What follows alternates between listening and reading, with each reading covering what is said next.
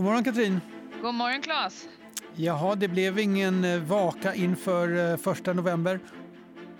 Nej, det är alltid som eh, vanligt här i Storbritannien. Ingen Brexit och ett konstigt lugn har ändå på något sätt infallit sig här. Det var kanske inte riktigt vad vi förväntade oss. Detta är i alla fall Brexit-veckan.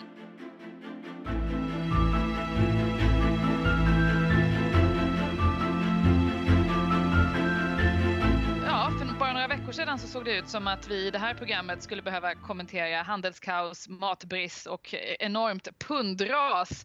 Då var det fortfarande risk för att Storbritannien skulle krascha ut ur EU. Men så eh, bidde det inte. Det bidde ingen Brexit förra veckan och eh, ja, ytterligare tre månader i limbo, Claes, för Storbritannien. Vad innebär det? Ja, absolut. Eh, vi har ju tidigare pratat om att Storbritannien har halkat efter andra länder i EU till exempel jämfört med eh, folkomröstningen 2016. Och exakt hur mycket är naturligtvis svårt att avgöra men ett sätt att försöka bilda sin uppfattning om det är att eh, skapa sig en korg av länder och sektorer som ser ut som Storbritanniens ekonomi. Det är en ganska kul ansats.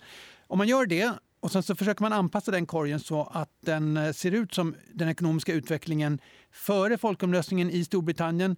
Så landar man i att eh, Storbritannien har tappat ungefär 3% jämfört med hur den här korgen då har utvecklats. Så det är liksom en, en proxy, ett proxy-Storbritannien kan man säga. Och eh, översätter man det där till pund så är det ungefär 350 miljoner pund i veckan. Och tänker vi oss då att det här ska pågå fram till 31 januari, ja då är det nästan en och en halv miljard pund som man då tappar. Men nu, ska vi då, nu jämför vi det med om Storbritannien hade varit kvar i EU och det är ju just nu i alla fall inte alternativet utan det är snarare en Brexit med eller utan avtal och det sistnämnda är ju såklart mest negativt. Ja precis, och då antar jag att man ska se den här siffran i kontext mot att alternativet hade varit att då kraschat ut ur EU förra veckan, vilket skulle kostat Storbritannien mer. Absolut, då har vi, och det har vi pratat om tidigare, att det hade sannolikt betydligt, betydligt lägre BNP-nivå, till och med recession då under 2020. Ja, och istället ska vi nu, alltså istället för Brexit i Storbritannien få det tredje valet på fem år. Hurra, hurra, hurra känner folk kanske inte utan är ganska trötta på att gå och rösta igen. Den 12 december eh, blir det val här och tidningen The Spectator kallade i veckan det här för det viktigaste valet sedan 1945. Är det överord? Vad tror du Claes? Nej, men jag tycker det är väl en rimlig beskrivning. Det blir ju mer eller mindre en brexitomröstning. och eh, få saker har ju potential att påverka Storbritanniens framtid som just medlemskapet i EU. Är man med eller utanför? De flesta val har ju inte alls den magnituden så eh, det får man nog säga. Det här är ett historiskt otroligt viktigt val. Ja, och det är ju inte bara Brexit, det är ju också liksom ett, ett val som på många sätt handlar om vilken ekonomisk modell som Storbritannien ska anamma. Det är väldigt stora ideologiska skillnader mellan Labour och de konservativa på ett sätt som vi inte har sett på, på decennier skulle jag säga också, eller? Absolut, det är, det är väldigt spännande på det sättet. Ja. Um, men hur som helst då, Brexit förstås är, är det är då den 12 december som det här ser ut att avgöras. Och vad händer då om Boris Johnson inte får stöd för sin regering? Ja, nu ska vi börja med att säga att det ser ju väldigt bra ut just nu, i alla fall i opinionsundersökningar för Tories och bland spelbolagen så är ju Tories tydliga favoriter. Men skulle Boris inte kunna behålla regeringsmakten så får man ju förmoda att eh, i alla fall sannolikheten för en andra folkomröstning går upp ganska markant och då är ju helt plötsligt sannolikheten relativt hög för att hela Brexit ställs in. Det är i alla fall i linje med de opinionsundersökningar som mäter just stödet för EU-medlemskap. Eh, men som sagt, det mesta talar ju faktiskt för att Tories eh, inte bara behåller regeringsmakten utan faktiskt också kan få majoritet i underhuset. Ja, samtidigt är det ju ett väldigt oförutsägbart val. Vi pratade om det här lite förra veckan också. Det är väldigt många väljare som förväntas rösta annorlunda än vad de brukar. Det brittiska valsystemet gör att saker och ting blir oförutsägbara. Och nej, men jag håller med att det är klart att om Boris Johnson inte får en, en ordentlig majoritet, då har man ju försökt lösa den här brexit-osäkerheten med ett val och misslyckats med det och då återstår bara en folkomröstning. Så då tror jag att landet kommer gå mot en andra folkomröstning, även om det kan ta några månader det också. Noterade du förresten att eh, Boris Johnson i veckan lovade att den övergångsperiod som Storbritannien då enligt hans Brexit-avtal har, där allt så att säga förblir som det är idag. Eh, han har lovat att den inte kommer att förlängas. Och då vill i alla fall jag gå och slå huvudet i väggen.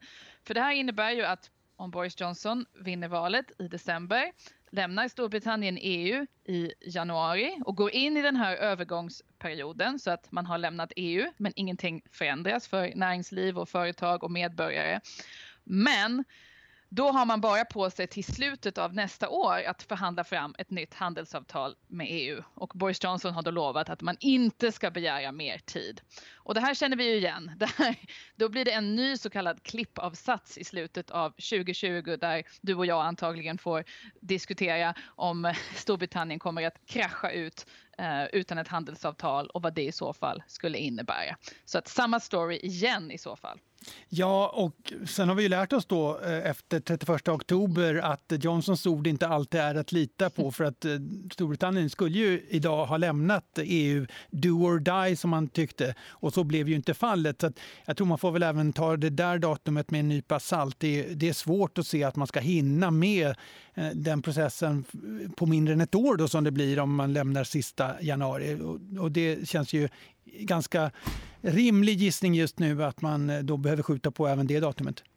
Ja, för handelsavtal tar ju enormt lång tid. Vi kommer ihåg Doha-rundan, det var väl tio, tio år, kom ändå inte fram till någonting. Annars är det väl i medeltal sex år brukar handelsavtal ta. Nu kan man ju tänka sig att det här kommer kanske vara lite enklare eftersom Storbritannien och EU ligger nära varandra eftersom Storbritannien länge har varit en del av EUs gemensamma marknad. Men jag håller med, det är svårt att se att de hinner det här.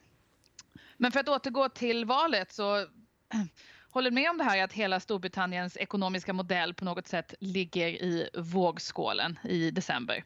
Å ena sidan Boris Johnson, Brexit, liberal inriktning. Å andra sidan Labour och Jeremy Corbyn som vill förstatliga allt från posten till järnvägen, elnätet, vatten och avloppsföretag. Ja, alltså det där är intressant också att höra din synpunkt på. för att det är klart att det, det, finns ju inte någon överdriven rädsla i marknaden men det finns ju ändå ett perspektiv där då framförallt då Corbyn och även hans eh, finanspolitiska skuggminister John McDonald, de har ju ganska, får man ändå säga, radikala åsikter kring hur man skulle stuva om brittisk eh, ekonomisk politik. Men det verkar väl ändå som att motståndet inte bara det folkliga faktiskt, eh, men, men eh, också inom Labourpartiet är ganska stort. Så att, eh, frågan är hur skulle, även om Labour skulle ta makten, skulle man kunna bedriva den typen av politik? Ja, nej men det där är skön, lite skönt att du säger det där kan jag tycka, för det finns ju en väldig, i alla fall här i Storbritannien, en enorm, framförallt från näringslivshåll, liksom en skräck för Jeremy Corbyn och det är väl mycket möjligt. Liksom, det är klart att det skulle vara, eller utifrån det perspektivet då, om man inte vill att Storbritannien går åt en mer uh, ja, socialistisk riktning måste man väl ändå kanske säga. Um, men det är som sagt svårt att se att Corbyn skulle få majoritet. Alltså det, jag tror att det finns en chans eller risk eller hur man nu vill se det för att han faktiskt kan bli premiärminister i december eftersom väldigt mycket kan hända.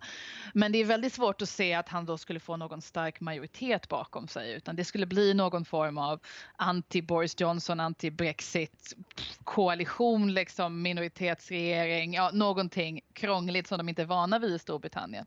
Det är svårt att se liksom en stor Labour-majoritet som kan starta liksom i januari med att börja förstatliga industrin industrier. Mm. Och det finns ju mycket, en väldigt så skrämselton. Det var en siffra från eh, CBI, alltså brittiska motsvarigheten till arbetsgivarorganisationen Svenskt Näringsliv. De gick ut i veckan och vrålade om att det skulle kosta 196 miljarder pund, de här förstatligande eh, projekten som Labour har lyft fram då bland annat post och järnväg och elnät. Och den där siffran verkar de bara ha hittat på när jag försökte kolla på det. Ja, men det verkar ändå tydligt att eh, Labour och Corbyn kommer ju försöka det är klart det kommer att bli en Brexit, ett Brexitval, men de vill också få in just det här ekonomiska perspektivet. Ökade klyftor är ju inte bara i Storbritannien utan det är ju ett tema över hela världen och eh, någonting som ju politiker försöker utnyttja, inte minst på vänsterkanten. Men i det perspektivet är det faktiskt intressant att titta på vad som har hänt med de ekonomiska klyftorna i Storbritannien. Och ett sätt att göra det på är att titta på den så kallade Gini-koefficienten.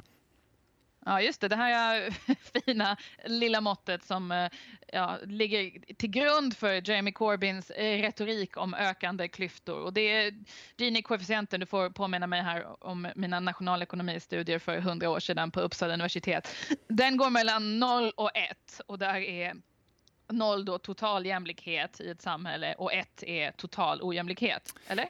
Precis, och det här handlar ju både då, eller man kan ju titta på både eh, inkomst från eh, arbete och inkomst från kapital. Och har man det perspektivet så är det faktiskt så att ojämlikheten i Storbritannien den ökade under den senaste Labour-regeringen men har varit relativt stabil under Tories senaste mandatperiod eller regeringsperiod då, från 2010. Så till exempel kan man notera att löner för låginkomsttagare har ökat snabbare än genomsnittslöner under de senaste åren. Och det där kan ju också faktiskt, som vi har varit inne på tidigare, att det kan delvis vara en effekt av att det bör bli brist på arbetskraft i de här låglönesegmenten. Man får inte lika många EU-medborgare e som deltar på arbetsmarknaden. Så att, eh, men, men utifrån eh, Corbyns perspektiv så, så är det inte helt tydligt att, att utvecklingen går åt fel håll. Nej, men det har väl också, jag tror att det här kan ha att göra med att man har ju haft en minimilönslagstiftning de senaste åren som ju också David Camerons, alltså en konservativ regering, drev igenom för att det just har funnits väldigt mycket politisk press att höja de här lägsta lönerna. Man skulle ju kunna säga att det rent av var en av de politiska frågor som ledde fram till Brexit. Så jag antar att det kan ha haft viss effekt. Och, men alltså visst är ju Storbritannien fortfarande ett av de absolut mest ekonomiskt ojämlika länderna i Europa. Ja, så är det absolut. Och, och om man tittar på just den här Gini-koefficienten så som sagt, ju högre desto mer ojämlik, ojämlikt så är den man kan titta på lite olika mått och så vidare, men ungefär 0,35 för Storbritannien jämfört med till exempel för Sverige 0,28. Så det är fortfarande tydligt att här finns det ett eh, potentiellt framgångskoncept för Corbyn att eh, driva den här frågan i valkampanjen. Ja, absolut. Och det märks ju tydligt i det brittiska samhället om man reser runt här inom landet, de här väldigt stora skillnaderna mellan regioner, mellan stad och land och, och mellan klasser på ett sätt som, som inte, inte existerar i, i Sverige på, på samma sätt. Så stora skillnader i ekonomisk politik mellan de konservativa och Labour inför valet den 12 december. Men det finns en sak som de verkar kunna enas om i alla fall och det är att det där med budgetbalans inte verkar vara så viktigt längre. Det pågår ett väldigt budgivningskrig här i vallöften, eh, oerhört dyra vallöften mellan de konservativa och Labour. Och det här innebär att brittiska staten ser ut att börja spendera pengar på nivåer som ingen sett sedan 1970 80-talet. Det ska satsas på infrastruktur, utbildning och sjukvård och man budar över varandra. Eh, vilka effekter skulle det här kunna ha på, jag tänker på den europeiska ekonomin om Storbritannien börjar föra en mycket mer expansiv finanspolitik nästa år? Ja, alltså det är klart att det, det, det är ju generellt sett positivt för ekonomin då kan man säga. Och sen får man ju se om det leder till att man får att, att räntorna stiger och att det därmed blir högre lånekostnader. Men det är inte helt säkert för just nu råder generellt kan man säga en annan inställning i Europa till finanspolitik eh, jämfört med om vi tar åren efter finanskrisen. Och framförallt då i samband med skuldkrisen i euroområdet. Då var det en väldig hets kring att, att budgetar skulle vara balanserade. Man skulle strama åt finanspolitiken. Men nu kommer allt fler röster som handlar om att finanspolitiken måste vara mer expansiv när centralbanker har mer eller mindre slut på ammunition. Vi hade Magdalena Andersson till exempel ute i veckan. Hon pratade om att dra ner överskottsmålet till ett balansmål. Det handlar inte om underskott fortfarande, men det är ändå i samma riktning. Och på det sättet kan man nästan säga att eh, det, det, går, det perspektivet som vi ser nu i Storbritannien går i alla fall inte på tvärs med hur vindarna blåser i Europa, Europa i övrigt. Mm, man tar det kanske bara ganska långt då. Ja, och det är ju val så det hör ju lite grann till också. Ja, ja, ja precis. Så, och det här att, att den här trenden har vänt, att det låter helt annorlunda än för några år sedan, det har främst att göra med, skulle du säga då, att de här äh, nollräntorna över nästan hela, noll eller minusräntorna över nästan hela kontinenten. Och då vill man använda något annat för att stimulera ekonomin. Ja, och i Europa har det också att göra med att man har en besvärlig demografisk utmaning, alltså befolkningstillväxt som är mycket långsammare än tidigare och överhuvudtaget svårt att få tillväxt i ekonomin. Och då vänder man blicken snarare mot finanspolitiken än den redan mer eller mindre uttömda penningpolitiken. Mm. Ja, så fem veckor kvar till ett val där den ekonomiska politiken är oerhört viktig då och inte bara Brexit. Men ja, jag måste säga att jag är lite trött här redan. Det känns som det har varit konstant valrörelse i det här landet i nästan fem år. Eh, men i alla fall, nu är det här, hela den här Brexit-sagan eventuellt på upploppet. Eh, vad tror du, Claes? Ja, vi får väl, höll jag på att säga, hoppas. vi får hoppas. Ja, fem veckor tills vi får veta om det blir någon mer klarhet i Brexit-frågan när Storbritannien går till val den 12 december. Och bara sju dagar tills Brexit-veckan är tillbaka.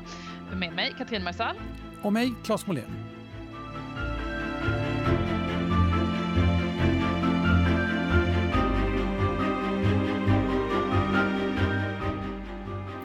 Den här podden görs av EFN Ekonomikanalen Ansvarig utgivare är Anna Fagerström. Gillar du vad du hör? Dela gärna podden med vänner och bekanta samt betygsätt den på iTunes.